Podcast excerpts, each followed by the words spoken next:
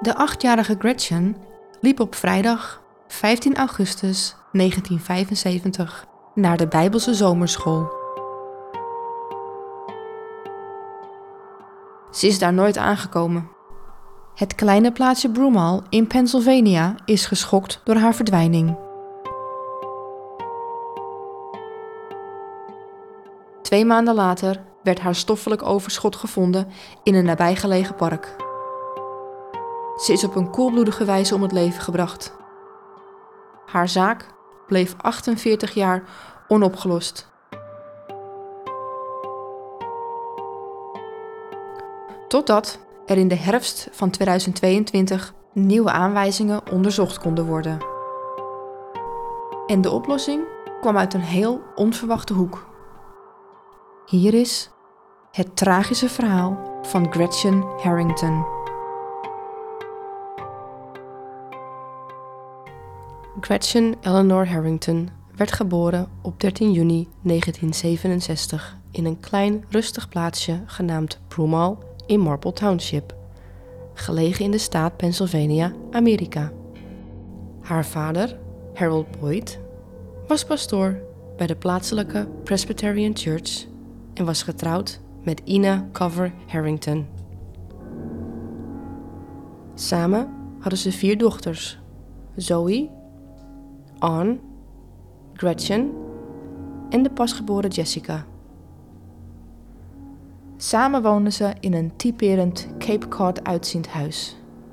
Dat wil zeggen, een deur in het midden en aan weerskanten ramen, een steil puntdak en een schoorsteen in het midden van de woning.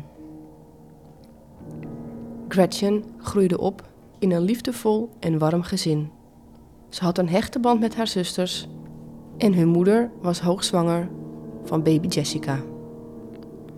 Gretchen zat in de second grade op de Delaware County Christian School. Second grade staat gelijk aan groep 4, 5 voor Nederlandse begrippen. Ze had lichtbruine haren tot aan haar schouders, stralende blauwe ogen en een mooie, uitnodigende lach. Maar in die uitnodigende lach miste ze rechtsbovenin een tand. Want zoals alle kindjes van acht wisselde ook Gretchen van tanden.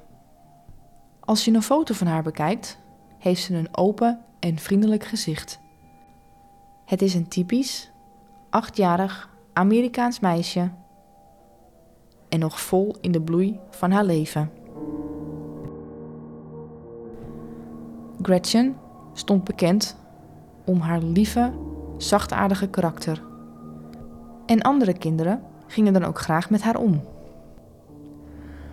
Marple Township, waar Broomall onderdeel van is, was een veilig stadje waar kinderen veelal buiten speelden.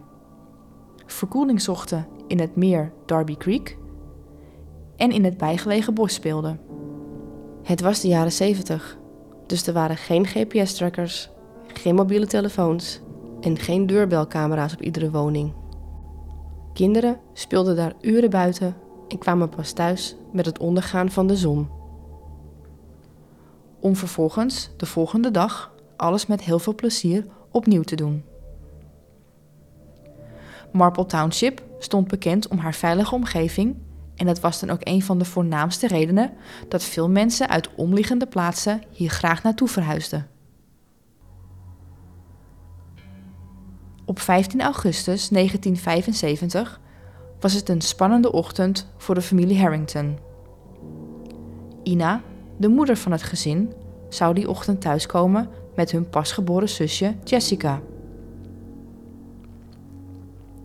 Die ochtend stoomde vader Harold de kinderen klaar om naar school te gaan. Maar de zusjes Zoe en Anne wilden thuis blijven om op hun moeder en zusje te wachten. Aangezien Gretchen het best wel goed deed op de zomerse bijbelschool, raadde vader Harold haar aan om toch heen te gaan. Dus, zo gezegd, pakt Gretchen haar spullen, zegt haar zussen gedag, zwaait omstreeks 9 uur 20 haar vader uit en loopt richting de Trinity Chapel Christian Reformed Church. Verder in het verhaal zal ik het de Trinity Chapel noemen. Omdat dit plaatsje zo veilig was, liepen veel kinderen alleen ergens naartoe. Echter gold dit niet voor Gretchen. Ze liep eigenlijk nooit alleen. Vooral de wandelingen naar de zomerse bijbelschool liep ze samen met haar zusters. Maar vandaag was anders. Vandaag liep Gretchen alleen. De Trinity Chapel lag zo'n 800 meter op loopafstand vanaf het huis van de familie Harrington. De eerste lessen van deze Bijbelschool begonnen daar in de Trinity Chapel. Na deze lessen werden de ongeveer 60 leerlingen op weg gestuurd naar de Presbyterian Church, om daar de resterende lessen van die dag te volgen. Deze twee kerken werkten nauw samen. De Trinity Chapel was van pastor Zandstra en de Presbyterian Church was van pastor Harrington. Beide pastoors kenden elkaar goed en werkten vaak samen. Rond 11 uur die ochtend druppelden de eerste leerlingen binnen. Al gauw viel het pastor Harrington op dat zijn dochter Gretchen niet in de klas zat. Bezorgd belde hij naar pastoor Zandstra en vroeg of hij Gretchen had gezien. Maar zijn bezorgdheid werd groter toen pastoor Zandstra vertelde dat ze niet aanwezig was geweest die ochtend. Zandstra besloot op zijn beurt de leraren te bellen met de vraag of zij Gretchen hadden gezien. Maar een geruststellend antwoord bleef uit. Om 11.29 uur besloot pastoor Zandstra de politie te bellen. Bezorgd legt hij het verhaal uit aan de agent. De agent vraagt naar het signalement van Gretchen. En dit is wat pastoor Zandstra opgaf. Gretchen droeg een wit-blauw gestreept mouwloos shirt, een blauwe spijkerbroek met een drukknoop, blauwe gimpen met regenboogkleurige neuzen. Ze had blauwe ogen en haar lichtbruine haren droeg ze in twee paardenstaartjes. De politie start een grootschalig onderzoek. Een helikopter vliegt over het stadje Broomall. En tegelijkertijd worden speurhonden ingezet om de hele omgeving grondig te onderzoeken. En ook de brandweer komt in actie om mee te helpen. Maar toen de avond viel, was Gretchen nog altijd niet gevonden. Naarmate de uren verstreken, was de moeder van Gretchen compleet radeloos. Het gevoel bekroop haar dat ze Gretchen waarschijnlijk nooit meer levend terug zou zien. Die zaterdagochtend, 16 augustus, waren alle hulpdiensten nog steeds ijverig op zoek naar de kleine Gretchen. Het nieuws verspreidde zich snel en ook burgers hielpen mee met deze zoektocht. Maar de dagen verstreken zonder enig teken van leven. Dus er werden flyers uitgedeeld. Ook de lokale kranten kwamen vol te staan met de vermissing van Gretchen. En de angst in het plaatsje Broomhall werd groter en groter. Moeders knipten de haren van hun dochters rigoureus af, zodat ze meer op een jongetje zouden lijken. En de kinderen liepen niet meer alleen over straat. Augustus werd september en uiteindelijk kwam oktober. En nog altijd werd Gretchen niet gevonden. In de periode van haar vermissing verhoorde de politie een aantal mogelijk verdachten. Zo ook de goede vriend en pastoor David Zandstra. In de periode van haar verdwijning werd David Zandstra ervan verdacht er iets mee te maken te hebben. Een getuige verklaarde namelijk in de ochtend van 15 augustus het meisje te hebben zien staan langs de weg. Gretchen praatte met een persoon in een groene stationwagon. Pastoor Zandstra reed in precies zo'nzelfde auto. Tijdens het verhoor ontkende Zandstra in alle toonaarden en gaf aan Gretchen die ochtend helemaal niet gezien te hebben. Maar als we nog even teruggaan naar het moment dat Zandstra de politie belde, wist hij wel heel gedetailleerd een signalement van Gretchen af te geven. En dit is vreemd, aangezien de vader van Gretchen Zandstra nooit heeft verteld wat ze droeg die ochtend. Helaas heeft de politie hier nooit actie op ondernomen en hebben hem nooit verder hierover ondervraagd. Wegens gebrek aan bewijs hebben ze pastoor Zandstra weer laten gaan. De tijd verstrijkt En het is 14 oktober, twee maanden na haar vermissing. Een hardloper rent door Ridley Creek State Park. Na een poosje rennen denkt de hardloper iets te zien liggen. Vertwijfeld door wat hij ziet, besluit hij te gaan kijken. Behoedzaam komt hij dichterbij en op het moment dat hij een vingernagel ziet, schakelt hij de politie in. De politie zet alles hermetisch af en onderzoekt de omgeving. Uiteindelijk worden er menselijke resten gevonden. Toenertijd waren de DNA-onderzoeken niet zo geavanceerd zoals nu.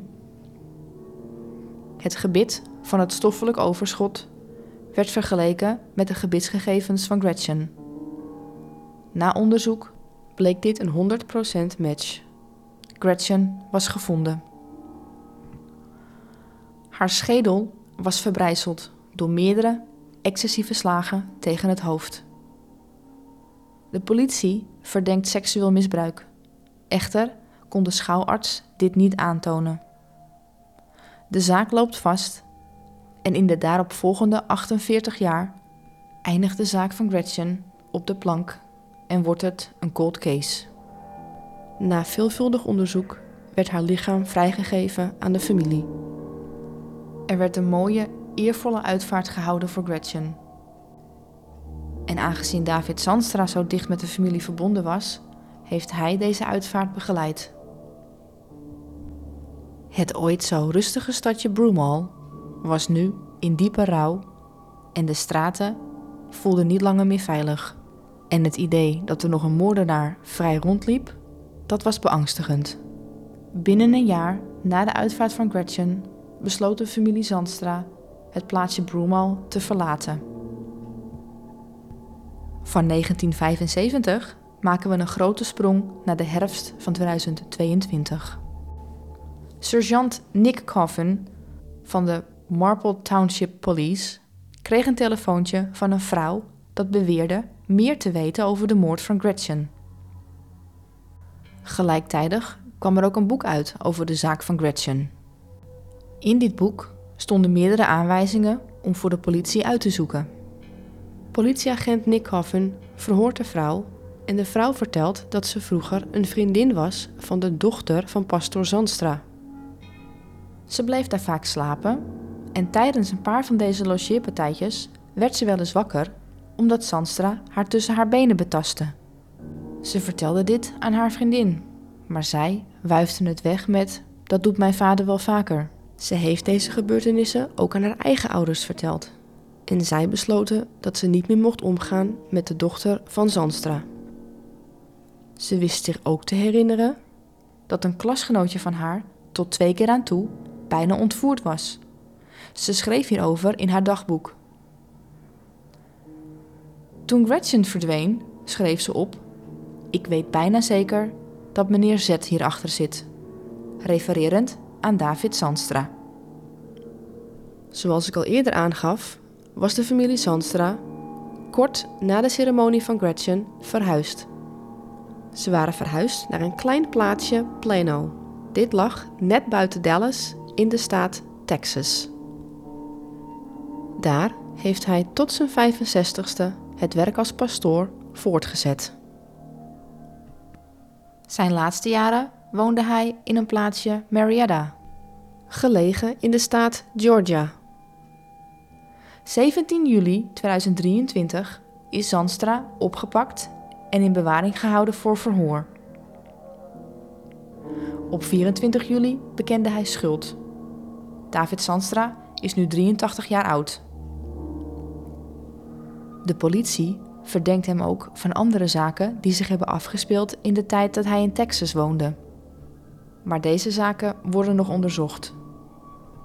Tijdens het verhoor vertelt Zandstra hoe die bewuste ochtend op 15 augustus is gegaan. Terwijl Gretchen naar school liep, reed hij in zijn groene stationwagon. Hij kwam haar onderweg tegen en bood haar een lift aan. Aangezien hij een bekende is van het gezin, stapte Gretchen in. Met een gevoel van vertrouwen gaat ze naast hem zitten en gaat ervan uit dat hij haar naar de Trinity Chapel brengt. Zandstra zag dit als een uitgelezen kans om haar mee te nemen naar een bebost en afgelegen omgeving. Daar aangekomen zegt hij tegen haar dat ze de kleren uit moet doen. Gretchen weigert dit. Hij wordt boos en slaat haar met volle kracht tegen haar hoofd. De kleine achtjarige Gretchen valt neer op de grond. Het is nog altijd niet duidelijk of pastoor Zandstra haar ook seksueel heeft misbruikt. Wat hij wel vertelt, is dat hij geen hartslag meer voelde en besloot haar te bedekken met takken en bladeren en liet haar voor dood achter. Wel bekent hij zichzelf te hebben bevredigd in het bijzijn van Gretchen. Nadat hij haar voor dood achterliet, stapte hij in zijn auto en reed terug naar zijn kerk, om vervolgens de dag voor te zetten alsof er niks aan de hand was. En droeg de daarop 48 volgende jaren dit duistere geheim met zich mee. Na zijn arrest en bekentenis sprak de politie uit dat David Sandstra hoogstwaarschijnlijk nooit meer vrijkomt en zal komen te overlijden in de gevangenis. Zijn zaak zou afgelopen december voorkomen, maar helaas is er nog geen vonnis bekend. Het trieste is wel dat de vader van Gretchen overleed op 16 november 2021. Hij heeft helaas niet meer mogen meemaken dat na 48 jaar de moord op zijn dochter is opgelost en dat de dader een bekende is gebleken. Als je vandaag de dag in het stadje Broomall de naam Gretchen laat vallen en de zaak bespreekt, dan wordt er nog steeds met heel veel liefde over haar gesproken. Ook is het verdriet nog steeds heel erg voelbaar. De familie geeft aan, hoe moeilijk ook, berusting te hebben gevonden in het feit dat de zaak nu afgesloten is. Ook al is het gebleken dat de dader een wolf in schaapskleren is geweest. Dit was het aangrijpende verhaal van Gretchen Harrington. Dank je wel dat je geluisterd hebt naar deze aflevering. Haar verhaal kwam ik een paar weken terug tegen en ik kwam in een ware rabbit hole terecht. Ik ben toen haar zaak gaan uitwerken en ik wilde haar verhaal graag delen in deze podcast. Volgende week heb ik als het goed is weer een nieuw waargebeurd verhaal voor je klaarstaan. Informatie over deze zaak zal ik op mijn Instagram plaatsen, podcast bij Suus. En als afsluiter, volg me nog even op Spotify en geef me een beoordeling. Dankjewel en tot de volgende keer.